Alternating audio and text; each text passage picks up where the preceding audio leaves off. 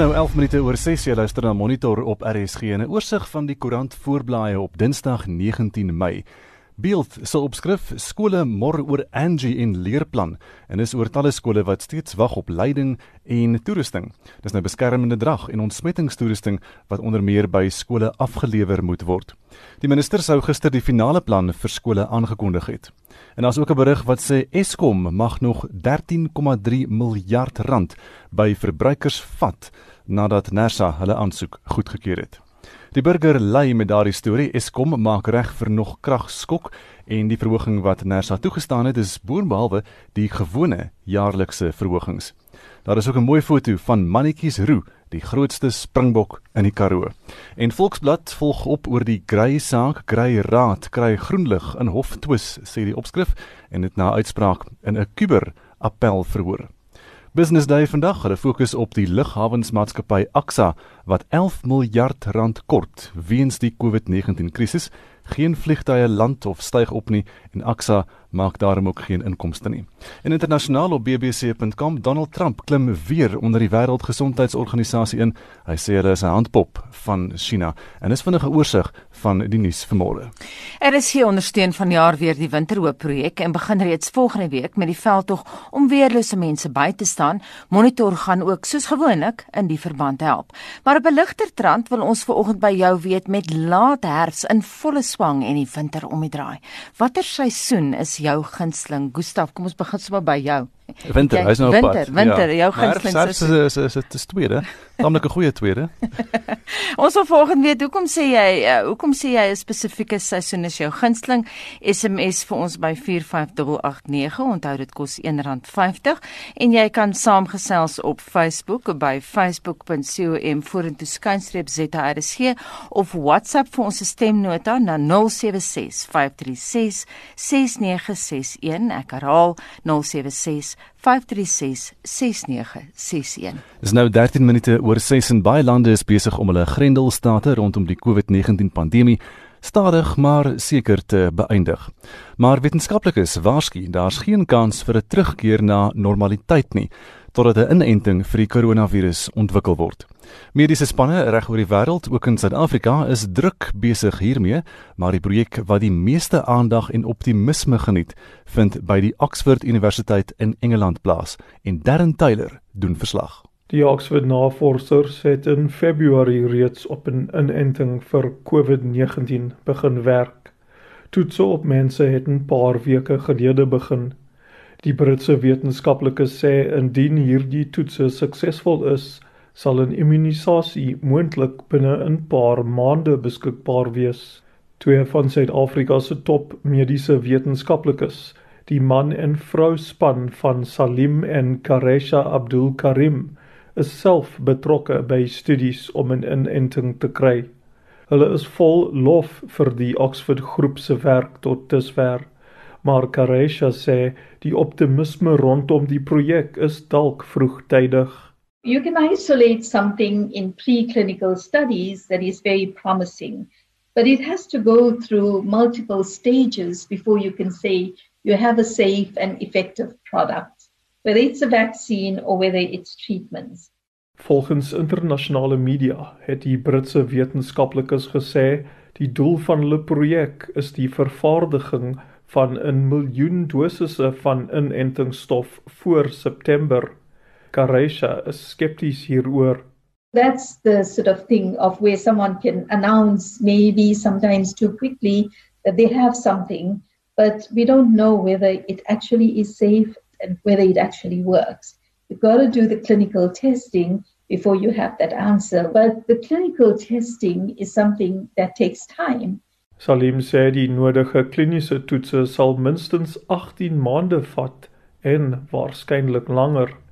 Hy sê die erns van die koronaviruspandemie plaas druk op mediese navorsers om besluite te neem wat hulle nooit voorheen sou oorweeg het nie. Our colleagues at Oxford are trying to do something at a breakneck speed. The Oxford vaccine is on an amazingly accelerated schedule. The Oxford group has concertina and everything into one study.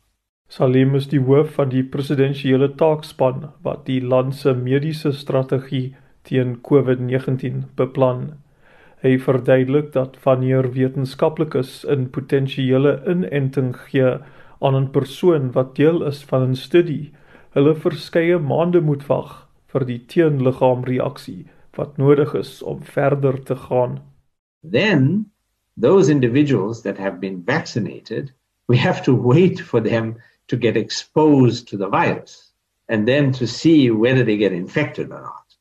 Die wetenskaplikes sê 'n groep mense wat 'n placebo of 'n valse inenting ontvang, moet ook aan die studie deelneem. Then we compare the number of new infections in the placebo group and in the group that got the vaccine. All of that takes months to get. It's not something that just happens overnight. So you can anticipate a study like that will take about a year. Salim sê slegs as 'n baie groot getal deelnemers aan die Oxford studie aan die virus blootgestel word, baie vinnig sal die Britse wetenskaplikes 'n aanduiding in die volgende paar maande kry of hulle inenting werk of nie. Maar voeg hy by, dis steeds nie goed genoeg nie. They still have to follow them up because we have to know that this vaccine is safe. We can't go around giving it to people and then realize a year later it causes all kinds of medical problems. Die nuus wat tans uit Oxford filter, dui aan dat hulle projek wel baie ambisieus is, maar soos professor Abdul Karim dit stel, as daar ooit 'n tydperk was in die moderne geskiedenis om vir die onmoontlike te mik, is dit nou. Ek is Darren Taylor in Johannesburg. Opposisiepartye in die Vrystaat sê die openbare beskermer se verslag oor omstrede asbesdakke moes lankal bekend gemaak gewees het. Dit volg na die verslag oor die onreëlmatige toekenning van 'n kontrak van 225 miljoen rand. Die omstrede kontrak is in 2014 deur die Vrystaat se Menslike Hulpbron Departement toegeken vir die ouditering en assessering van huise met asbesdakke. Inwoners van huise met asbesdakke in Dark City in Bloemfontein het 'n beroep op die regering gedoen om sy beloftes na te kom. Suid-Afrika het in 2008 die gebruik en produksie van asbesprodukte verbied. Meer as 33000 huise met asbesdakke is in die provinsie geïdentifiseer. Inwoners wat reeds jare in die huise woon, sê hulle gesondheid ly daaronder. We can't sleep when it rains because the roof is leaking. The rain is flooding our houses. There is a powder like substance coming from the asbestos and it has affected our lungs. People in this area are sick because of the asbestos. We need help from our government. Only if they can remove this asbestos because it's winter now. We are going to be affected. Opposisiepartye in die provinsie sê dit is hoogtyd dat die provinsie optree teen die wat hulle self verryk het uit belastinggeld. Die verslag van die OB toon dat ongeag die ouditeur-generaal se verslag in 2015 wat die kontrak as onreëlmatig verklaar het, is 'n verdere 139 miljoen rand aan die diensverskaffer betaal. Die EFF-voorsitter in die Vrystaat, Mandisa Makeseni, sê hulle sal optree as die premier dit nie doen nie. We welcome the report of the public protector. It's long overdue. We hope the premier will implement the recommendation of the public protector and the premier must just suspend immediately the, the HOD because it's still the HOD in that department and suspend every official who was implicated in that saga of asbestos the premier, if she does not report this case to the police after 60 days, must rest assured we are going to open a case against her so that she can do her work. Die DA het die Hooggeregshof genader, maar die saak is nie as dringend beskou nie. Daarna het die party in 2015 die saak na die openbare beskermer geneem om te ondersoek. Volgens die DA is die verslag 'n ware weerspieëling van wat gebeur het. Die Vrystaatse wetgewer Leona Kleinhans sê belastingbetalers se geld is geplunder. We lodged this complaint already in October 2015, knowing that there were gross irregularities and possible illegal activities had taken place. The findings are indeed that such activities did take place And we also welcome the main recommendation, which is that within 60 days, a criminal investigation must be lodged against the head of the department, Mr. Mogesi. The DA will indeed ensure that this does take place. Die ANC het nie reageer op 'n navraag nie en dit na die provinsiale regering verwys. Die premier se kantoor het gesê hy bestudeer nog die OB se verslag. Die verslag het voorgestel dat die Vrystaatse premier moet verseker dat die persone verantwoordelik vir die kontrak binne 60 dae by die polisie en valke aangekla word. Makhala Masiteng het hierdie verslag saamgestel. Mitsi van der Merwe, SAK nuus.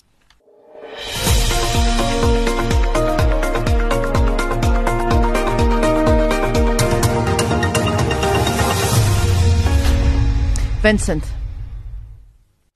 Anita met laat herfs in volle swang en ek bedoel jy kan al die byt al in vroeë oggende en die laat aande voel, ehm um, soos wat die winter om die draai is.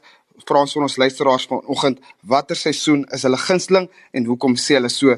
Ons het al ehm um, Ann Killen hierso 'n getroue luisteraar van die Noord-Kaap af sê somer verkies die Noord-Kaap somers bo enige ander seisoen, dan winters maak my depressief. Dit is koud en onsmaaklik.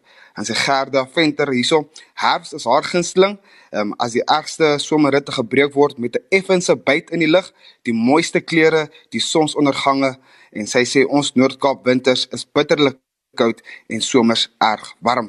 Dan het ek 'n lekker laaste een hierso van Leroux Bessinger wat sê ek moet sê my vrou seisoen darm die beste. En dit is 'n lekker grappie daar van Leroux ehm um, Besser daarso. Luisteraars kan ons ook hulle menings vir ons stuur. Ehm um, stuur vir ons SMS na 45889 teen R1.50 per SMS of gesels saam op Facebook by facebook.com vorentoe skynstreep ZARSG en stuur asseblief jou jou stemnotas na 076 5366961 en nou daai stemnota so 30 sekondes. Ek lees daai nommer weer 076 5366961. 27 minute voor 7 op monitor en hier is Shaun Jooste met volgende sporthoogtepunte. In rugby nuus, die Australiese rugby het drie spelers, die Wallabies land Isaac Rodda en sy twee Red spanmaats Isaac Lucas en Harry Hawkins geskort met hulle loonverlagings van 60% oor die volgende 6 maande aanvaar het nie. Die ooreenkoms was tussen die ARE, die vier super rugby spanne en die spelersorganisasie in Australië opgetrek en sowat 190 spelers word geaffekteer. Die Aussie spanne het gister met oefening begin en berei voor vir 'n plaaslike kompetisie wat moontlik in Julie kan afskop. Die senter Howard Manisi het 'n 2-jaar kontrak met die Cheetahs geteken en sal op 1 Julie by sy nuwe spanmaats aansluit. Manisi het die laaste 2 jaar vir die Kings op die veld uitgedraf en tussen 2015 en 18 vir die Lions gespeel. Die 30-jarige senter is se loopbaan het by die Griekwas begin en het ook al vir die SAA span gespeel. Sokker. Engelse Premier Liga spanne kan oefening vandag hervat, maar moet aan streng maatreëls voldoen. 'n Maksimum van 5 spelers word terselfdertyd op die veld toegelaat. 'n Enkele speler mag nie meer as 75 minute oefen nie en spelers moet met hul oefenklere opdaag. Die liga beoog om hulle seisoen teen 12 Junie te hervat, maar weet dit is dalk bietjie gou. Nou die gaspanne is van gister af toegelaat om oefengroepe van 10 spelers te hê en beweeg nog 'n stapie nader aan die hervatting van hulle seisoen in Junie. Sokker in Spanje is sedert 14 Maart opgeskort en die liga beoog om die seisoen ook teen 12 Junie te hervat. Die Duitse Bundesliga is oor die naweek agter geslote deure voortgesit en die top 4 spanne op die punteleer na 26 rondes lyk soos volg. Bayern München is die voorlopers en het 58 punte. Borussia Dortmund het 54, Borussia Mönchengladbach 52 en RB Leipzig 51. En laastens in golfnuus. Alhoewel die eerste vroue toernooi oor die naweek gespeel was sedert die kalender in Maart weens die koronavirus verwoes is, bly die top 3 spelers op die wêreldranglys onveranderd. Hulle is Jin Young Ko van Suid-Korea, die Amerikaner Nelly Korda en Sung Hyun Park ook van Suid-Korea. Park was ook die wenner van die naweek se Koreaanse PGA Kampioenskappe. Shaun Schuster, SAK Sport. Insekboerdery gee nie net die aarde ruskans nie, maar is ook die vinnigste groeiende landbousektor ter wêreld. So sê die tegniese uitvoerende hoof van die onderneming Sosento, Dr. Elsje Pieterse. Navorsers aan die Universiteit Stellenbosch werk aan tegnieke om produksiedoeltreffendheid te verhoog en om toepaslike verbruikersprodukte te ontwikkel met insekboerdery. Die doel van insekteboerdery is om met massaproduksie, as ek sê massaproduksie, dan bedoel ek soos kilogramme en tonne maat insekte voordelige produkte te vorm. Ons gebruik insekteboerdery vir verskillende goed. Ons gebruik dit vir pestbeheer, soos die valskadelimot, filimoene, die stamboorders vir suikerriet hierso en in Mosambiek en in kakaoplante in Papua New-Guinea. Daar's nematodes wat geproduseer word, daar's vrugtevlee wat geproduseer word. Bye is 'n voorbeeld van insekteboerdery. Ons by Sesento werk op hierdie stadium hoofsaaklik in die domein van proteïenproduksie. Ons kyk na die produksie van hoë kwaliteit proteïen sonder risiko's. Ons gebruik nie afval om die proteïen mee te produseer nie. Ons gebruik substrate wat geskik sal wees vir diereproduksie, so dit wat jy vir hoenders en varke en beeste en almal kan voer, gebruik ons dan om insekte te produseer en daai insekte word dan op verskillende maniere geprosesseer vir diereproduksie gebruik ons gedroogde insekte, ons gebruik gedeeltelik ontvette insekte en dan vir menslike gebruik maak ons 'n hidrolisaat. Ons skei daai insek letterlik in proteïen en in vet en in ketien. Dit is 'n hoë kwaliteit proteïenpoeier wat ons dan daar afkry wat dan geskik is vir die maak van allerlei voedingsaanvullings van proteïen shakes vir die gym junkies af dwarsteer tot aanvullings vir mense wat nutriënt tekorte en sulke goed het. So jy kan hom in enigiets informuleer. Hy het geen allergene in waarvan ons op hierdie stadium bewus is nie en hy het ook baie immuunstimulerende eienskappe en sulke goed wat ons nou eers begin divineer krap daar. So daar's baie voordelige eienskappe waarvan ons nou nog nie alles bewus is nie. Die vet is hoog in laurinsuur, so hy's 'n immuunstimulant en hulle gebruik dit in die kosmetiese industrie en dan ook vir die produksie van immuunstimulerende aanvullings vir menslike gebruik of vir diere gebruik en die ketien vind aanwending in die farmakologiese gebruik vir die produksie van allerlei medisyne. Jy sê dis een van die vinnigste groeiende bedrywe. Hoe meet jy dit? Kyk hulle meet dit aan die tempo waarteen die geld gegenereer word in die bedryf. Dit is die bedryf wat op hierdie stadium die vinnigste groei van almal. Baie van ons bedrywe soos die pleinveebedryf, die beesbedryf, die melkbedryf het baie vinnig gegroei aanvanklik. Hulle het nou half 'n plateau bereik. Aquakultuur is ook 'n bedryf wat 'n ontwikkelende bedryf is. So hy groei op hierdie stadium, die insekbedryf groei en daar's nuwe vrugte en sulke goed wat ontwikkel en groei, maar van al daai ontwikkelende bedrywe is die insekte die bedryf wat op hierdie stadium die vinnigste groei en wat teen 2030 dink ek het hulle beramings gemaak een van die grootste bedrywe gaan wees in terme van voer en voedselproduksie. Julle sê navorsers ondersoek die moontlikheid om antimikrobiese peptiede wat insekte produseer in die plek van antibiotika vir ontstekings te gebruik. 'n Insek het die vermoë om antimikrobiese peptiede, dis amper soos 'n antibiotika, te produseer in respons tot die teenwoordigheid van die mikrobe.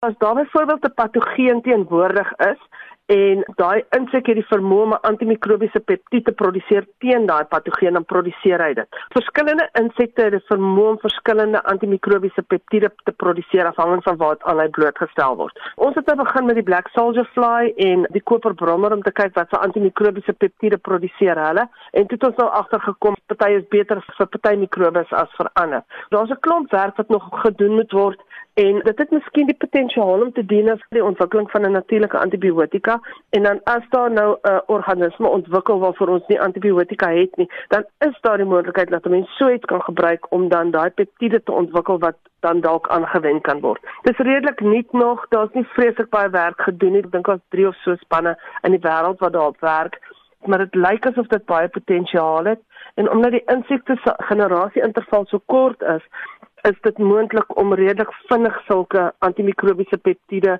te produseer. As jy net die insek kan identifiseer wat die antimikrobiese peptied gaan produseer in respons tot die patogeen wat teenwoordig is, dan kan jy daai antimikrobiese peptiede nogal redelik vinnig produseer en dan met die proses van hidrolise haal mens daai peptied dan uit. Hy kom uit in die proteïenfraksie omdat jy jou allergene ook uithaal in die proses behoort jy dan nie enige negatiewe effekte te hê daarmee saam nie. Julle bestudeer watter tipe dieet beter is vir verskillende soorte insekte. Ons bepaal die voedingsbehoeftes van die insekte. Soos wat 'n hoender en 'n hond en 'n kat 'n voedingsbehoefte het, het 'n insek 'n voedingsbehoefte. Dan gaan formuleer ons 'n dieet wat spesifiek aan daai voedingsbehoeftes voldoen. So ons hanteer hulle in werklikheid soos plaasdiere en dan voer ons hulle spesifiek volgens hulle behoeftes. So ons verhoog hulle effektiwiteit van produksie aansienlik in die proses. En op dië manier kan ons dan meer insekte, meer proteïen produseer op 'n kleiner hoeveelheid substraat wat ons voer. Ons het ons effektiwiteit met die Black Soldier Fly, die venstervlieg, meer as verdubbel vandat ons begin het met die navorsing tot nou toe met die omskakeling van substraat net omdat ons 'n beter idee het van wat hulle nodig het en omdat ons kan formuleer vir hulle. Hoe verseker julle dat die diere wat uiteindelik die kos kry, gehalte kos kry uit afvalprodukte? Daar's afvalprodukte en daar's afvalprodukte. Enige naverbruikers afvalprodukte beskou ons maatskappy nie as geskik om terug te gaan in die voedselketting in nie. Dis die goed wat van mense se tafels afkom, die goed wat uit hotelle uitkom, die goed wat uit restaurante uitkom. Ons aanbeveling is dat daardie goed gaan vir industriële aanwending. Ons kan van daai proteïen kan ons bioafbreekbare plastiek maak. Ons kan die olie gebruik vir biodiesel en die katien kan ons gebruik vir die produksie van filters in waterstelsels en goed. Maar enige voer wat geskik is om vir diere te voer, soos brouery afval, bakkery afval, goed wat van die rak af teruggekom het wat nie gekontamineer of gemif is nie. Dit is voer wat of geregistreer is onder wet 36 of potensieel registreerbaar is onder wet 36. Dis die afvalprodukte waarop ons fokus. Dis enkelbron afval strome en dit kom direk van die produsent af in ons aanlegte in daar is nie 'n risiko aan nie. Ons monitor die punte waar daar 'n risiko is en ons monitor ons produkte wat afgehandel is. Dit is maar dieselfde as in die voerbedryf. Daar's plekke waar jy moet monitor en op grond daarvan kan jy dan sê daar's 'n risiko of daar is. As daar 'n risiko is, dan word die produk kontrak ongelukkig nog nie so iets gehad nie, maar ons is nog baie klein. Ons is nou besig om ons tweede aanleg uit te rol. Ons hy sal so 30 ton 'n maand produseer sny julle die gebruik van chemikalieë uit om insekte se verskillende dele meer verteerbaar te maak? Ja, daar's geen chemikalieë wat ons gebruik in daai proses nie. Dit is 'n ensimatiese proses. Dit is 'n proses soortgelyk as wat in jou spysverteringskanaal sal gebeur om proteïen te verteer of om koolhidrate te verteer. Dit is 'n natuurlike ensiem wat ons gebruik en hy breek dan basies hierdie insek in 'n proefspys af of in 'n wynvat en dan het ons proteïen, vet en katien en dan skei ons dit in 'n proses daarna en dis alles meganiese prosesse en somatiese prosesse. So dis nie 'n chemiese proses nie. Chemiese prosesse lei baie keer tot swak kwaliteit proteïen, onverteerbare proteïen, maar die biologiese prosesse gee vir jou hoë kwaliteit proteïen sonder enige neeweffekte. Dis heeltemal 'n biologiese proses wat ons gebruik om die insek te skei in sy komponente. En so sê Dr. Elsje Pieterse, sy is tegniese uitvoerende hoof van die onderneming Susento by die Universiteit Stellenbosch en Mitsi van der Merwe het daardie onderhoud met haar gevoer. Dis nou 17 minute voor 7 jy luister na Monitor op RSG en Burundi gaan voort met sy verkiesing môre ten spyte van ernstige kommer wat deur die VN en die Afrika Unie uitgespreek is oor voortsleepende geweld.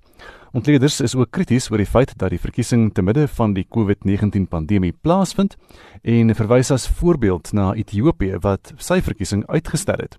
1200 mense is tydens Burundi se laaste verkiesing dood wat gelei het tot sanksies teen Burundi.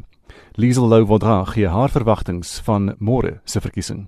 Die verkiesing vind plaas binne 'n regtig onstabiele politieke konteks Maar dit is so dat president Pierre Nkurunziza wat nou al 15 jaar aan bewind is in Burundi, het in in 2018 al gesê tot mense se groot verbasing eintlik dat hy nie weer vir 'n vierde termyn gaan probeer aanbly nie en hy het eintlik gehou by sy woord. Baie kommentators het gedink nee, hy gaan enige verskoning gebruik om aan te bly, maar daar is nou 'n ander kandidaat vir die regerende party, Everest Ndayishimiye.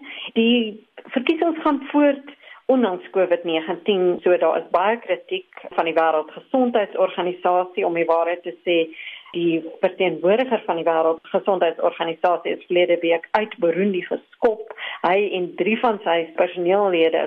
So dit gebeur binne 'n konteks van politieke onsekerheid en dan groot kritiek internasionaal rondom die feit dat daar eintlik geen maatreëls getref word om te sorg dat COVID-19 nie versprei nie. Gepraat van COVID-19, daar is sover 27 gevalle aangemeld, maar die medisyne in die land sê dis heeltemal te min. Die krisis is baie baie erger. Ja, absoluut. Dit is is ons sien in ander Afrika lande ook waar daar feitelik geen toetse gedoen word nie.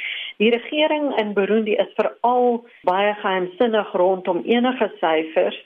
Die amptelike syfers is baie baie laag. Dit kan ook wees natuurlik dat Burundi is 'n uh, land met in hierdie stadium 'n uh, ekonomie wat baie traag is en daar is nie so baie internasionale reisigers en handel in en uit Burundi nie. So dis moeilik om te sê wat die presiese syfers is, maar die aanbeveling van die Wêreldgesondheidsorganisasie en van die Afrika Unie is dat lande moet voorsorg tref ondanks wat die amptelike syfers sê en dit is nie die geval in Burundi nie. En ook baie naïwiteit. Ek sien die kandidaat Evariste Ndayishimiye het gesê al oh, wel God het Burundi lief, so ons hoef nie te bekommerd te wees oor COVID-19 nie. Daai soort van waninligting help niemand nie. Ja, absoluut. En dit kom eintlik ook van Pierre Nkurunziza se voorganger nou as Ndayishimiye nou verkies word soos wat voorspel word. Nkurunziza het in die laaste paar jaar heeltemal in 'n charismatiese um, Christen, hy's baie uitgesproke rondom sy uh, geloof en toe COVID-19 begin het hy ook vir almal gesê, weet, gaan kerk toe. Kerke is nie gesluit nie omdat ons steun op God om vir ons te beskerm hierteen toe daar die uitbreek nou plaasvind en uh jy weet as mense die vraag vra hoekom het hy nou nie maar net die verkiesings uitgestel sê o hier's COVID-19 so ek bly nou nog 6 maande of 'n paar jaar langer. Is dit waarskynlik omdat hy juist van die begin af gesê het COVID-19 gaan nie Burundi tref nie omdat ons beskerm word. Dit is een van die redes waarskynlik hoekom hierdie verkiesings aangaan terwyl in ander plekke in Afrika soos Ethiopië byvoorbeeld is die verkiesings uitgestel weens die gevaar. Mense kan nou dink en ons het video's gesien van die verkiesingsveld tog in Burundi honderde duisende mense drom saam. Mens moet sê vir Everest Ndayishimiye maar ook die hoof oppositiekandidaat Agathon Rwasa het meer mense gekry ooit as uh, in die verlede. So in ag daar is mense hier en daar wat 'n masker dra of wat lande was as hulle in die stadiums ingaan, maar dit was maar eintlik bitter bitter min. Liesel, wat van geweld as baie kommer oor geweld wat verwag word van die AU en van die VN en van Human Rights Watch? Ja, dit is baie goed gedokumenteer die feit dat in die aanloop tot die verkiesing oppositielede is aangehou, daar's marteling, daar is af daar was selfs sluipmoorde op die oppositie. So die kans is groot dat daar op verkiesingsdag maar veral in die aanloop en na die verkiesing uitslaak omdat daar politieke geweld sal wees. Hoeveel politieke beweegruimte is daar? Neleki van der Walle van die International Crisis Group het geskryf, "You do see certain elements of a real election, but political space is really limited."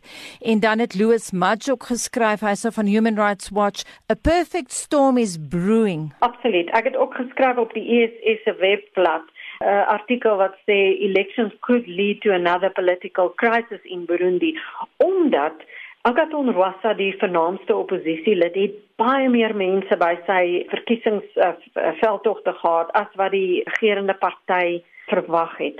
So, dit lyk vir ons asof die regerende party gaan probeer kil en gaan probeer seker maak dat sy kandidaat wen, maar dat Rwasa die uitslaa gaan betwyfel en dan sal mense groot politieke krisis kry. Ek sien die Britse Guardian skryf Burundi is die wêreld se armste land gemeet aan sekere standaarde. Wat sou jy sê as Afrika ontleder? Ja, dit is uh definitief een van die wêreld se armste lande omdat die politieke krisis in Burundi nou sedert die einde van 2014 duur omdat Nkurunziza wou staan vir 'n derde termyn in 2015 wat hy toe nou gedoen het. Daar's omtrent geen internasionale beleggings nie, handel, daar's sanksies teen Burundi. I mean Burundi is een van die min lande wat self koppe stamp met die Afrika Unie. Nou dit is nogal raar op ons kontinent. Liesel, wat dink jy gaan na die verkiesing gebeur want ek sien daar word geskryf dat Nkurunziza sal president bly tot Augustus en 'n nuwe grondwet sal hom meer mag te gee om 'n noodtoestand af te kondig as hulle nie tevrede is met die resultate nie. Hulle praat van results being disputed. Wat dink jy gaan gebeur? Nee, ek dink ehm um, eh uh, Nkurunziza se opvolger, Ndayishimiye gaan as die wenner verklaar word ondanks wat nou die ware uitslaa is van wat gebeur in die stembus. Dan kan die oppositie sal dit dan kan betwyfel en dan kan daar soos ons in ander lande in Afrika al baie gesien het jy weet 'n politieke krisis wees waar soos in Zimbabwe, die hoofoppositie erken nie die oorwinning van die huidige president en dit kan vir jare lank aanduur. So die politieke krisis in Burundi kan net voortduur en dat die president dan nie legitimiteit het nie. Wat van vrees vir intimidasie? Die Guardian skryf ook dat kiesers verlede week al in die aanloop tot die verkiesing te bang was om met die media te praat en die wat wel met joernaliste gepraat het, wou nie hulle name gee nie. So hoe vry en regverdig kan so 'n verkiesing wees? Ja, absoluut. Ek meen die artikel wat ons gepubliseer het in die uh, vir die Instituut vir Sekuriteitsstudies berus op 'n studie wat 'n uh, uh, kenner van Burundi gedoen het vir ons. Ons mag nie sy naam noem nie. Ek was nou die laaste paar dae in kontak met hom byna op 'n daaglikse basis, maar ons kan hom nie aanhaal in die artikel nie omdat hy vrees vir sy lewe. Hy moes uit Burundi uit. Dit is 'n absolute autoritaire stelsel waar die media en nie-regeringsorganisasies en analiste gedwing word om napraters te wees van die regime of hulle word eenvoudig uh, afgemaai uit die uh, geïntimideer uit die land uitgesit. Liesel Lou Vaudra van die Instituut vir Sekuriteitsstudies in Pretoria en Anita het die onderhoud met haar gevoer. Sekere burgerregte organisasies sê hulle wag entoesiasties dat die minister van basiese onderwys, Angie Motshega, dit duidelik moet stel hoe skole moet voorberei om weer te open te midde van die COVID-19 pandemie. Skole is reeds 6 weke lank gesluit in die poging om die virus te bekamp. Voorsorgmaatreëls moet ingestel word om skole gereed te kry om te funksioneer in die inperkingstyd. Organisasies soos Equal Education en Section 17 sê hulle wil spesifieke kwessies duidelik uitgespel hê. Moshega is geskeduleer om later vandag die publiek toe te spreek. Celine Merrington het meer. Terwyl die land nog spook om die kurwe van infeksies af te plat, blyk dit die akademiese jaar mag daaronder lê. Alle oë is op die minister van basiese onderwys, Angie Motshega, om rigting te verskaf. 'n Burgerregte organisasie, Seksie 27 se woordvoerder, Matteo Brody, sê daar is steeds baie onsekerhede. We're hoping the minister provides clarity on what will happen to the National Schools Nutrition Program, which ordinarily benefits over 9 million learners, and how the reopening of schools will work for learners with disabilities. We also want to know more about the provision of personal protective gear for learners and education staff, and vitally, the rollout of sanitation infrastructure to the close to 4,000 schools which only have pit toilets and lack running water. We also need to know more about how social distancing will work at schools and how the plan takes into account the need for scholar transport. Die Equal Education Groep se sekretaris-generaal, Notlebo Madube-Dube, voel dieselfde. There are a couple of things that we're looking forward to hearing um, as the minister addresses the nation. The first is around the school nutrition program. We're concerned that as the country faces a humanitarian crisis around food shortages, that learners in poor and working class communities become even further marginalized in terms of food security. So we think it's imperative for the program to open regardless of who's back at school or not. We want to plan around how we're going to track and ensure that learners that are still locked down during the phased in approach of reopening schools will have access to learning materials, whether it's enrichment or curricula. Sommige politieke partye meen daar moet voldoen word aan minimale vereistes voordat skole kan heropen. Koupoortvoerder Dennis Bloem en 'n Vryheidsfront Plus LP Wynand Boshoff deel hul menings. We fully support and agree with the teachers unions that all minimum requirements must first be met, like proper infrastructure, toilets, sanitizers, masks, soap, and water must be there. Social distancing, we must be sure that there will be social distancing. That is the only way that we can support the opening of schools again. Maar daar is 'n gedagte wat veral in vakbondkringe en by die ANC self gewild is en dit is om te sê dat uh, alles moet wag totdat elke skool voorsien is van alles wat nodig is, al die beskermende drag, al die uh, ontsmettingsmiddels, uh, die vermoë om sosiale afstand te handhaaf wat natuurlik 'n geweldige vergroting in infrastruktuur vereis. Die Vryheidsfront uh, reken nie dat dit moontlik is nie. Die wonderwerk wat oor 25 jaar nie moontlik was om onderwys op daardie standaard te kry, gaan ook nie nou moontlik wees net omdat daar 'n virus is waarvoor uitgekyk moet word nie.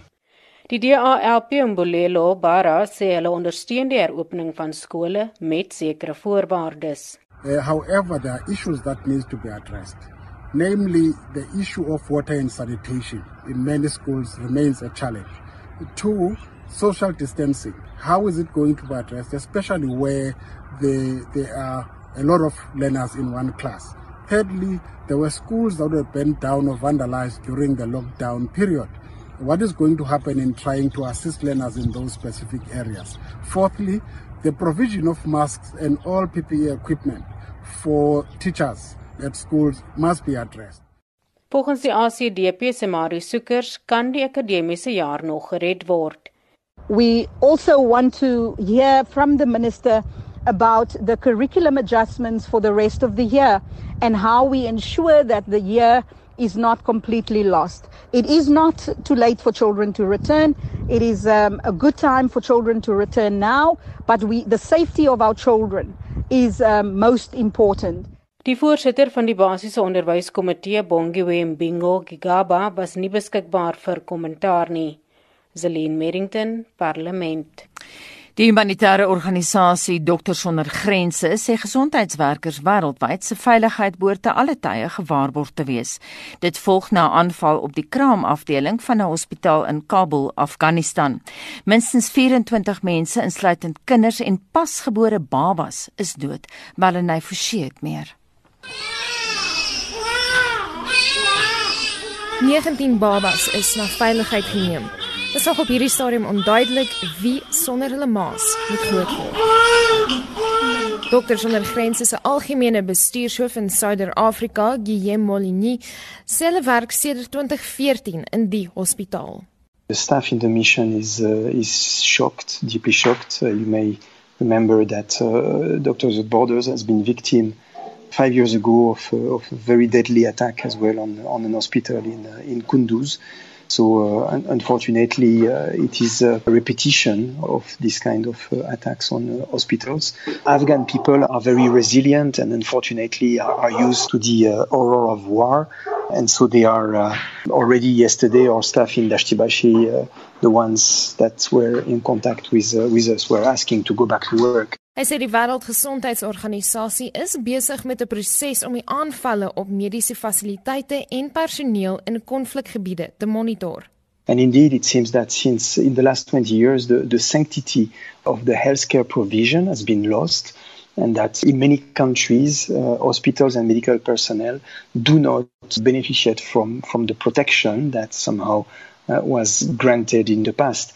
We can see that in, in Africa as well. You, you will remember that uh, not long ago, uh, Ebola treatment centers were attacked closer to home uh, in South Africa. Ambulances are very often reporting attacks when they go and collect patients in some area, as well as doctors being attacked in, uh, in medical facilities. Dis onduidelik wie die aanval uitgevoer het, maar volgens MSF se bronne in die stad het die Taliban die voorval ontken. Intussen beklemtoon Molini dat gesondheidswerkers wêreldwyd nie in vrees behoort te werk nie. The front line can be epidemics like uh, like today uh, in South Africa and I think that they should be protected wherever they are all over the world in a war but also in in a situation of epidemic and, and in daily life. Dit was dokter sonder grense se algemene bestuurshoof in Suider-Afrika, Guillaume Molini. Ek is Marlene Forsie vir SAK nuus. En ons luister gou na terugvoer oor die seisoene.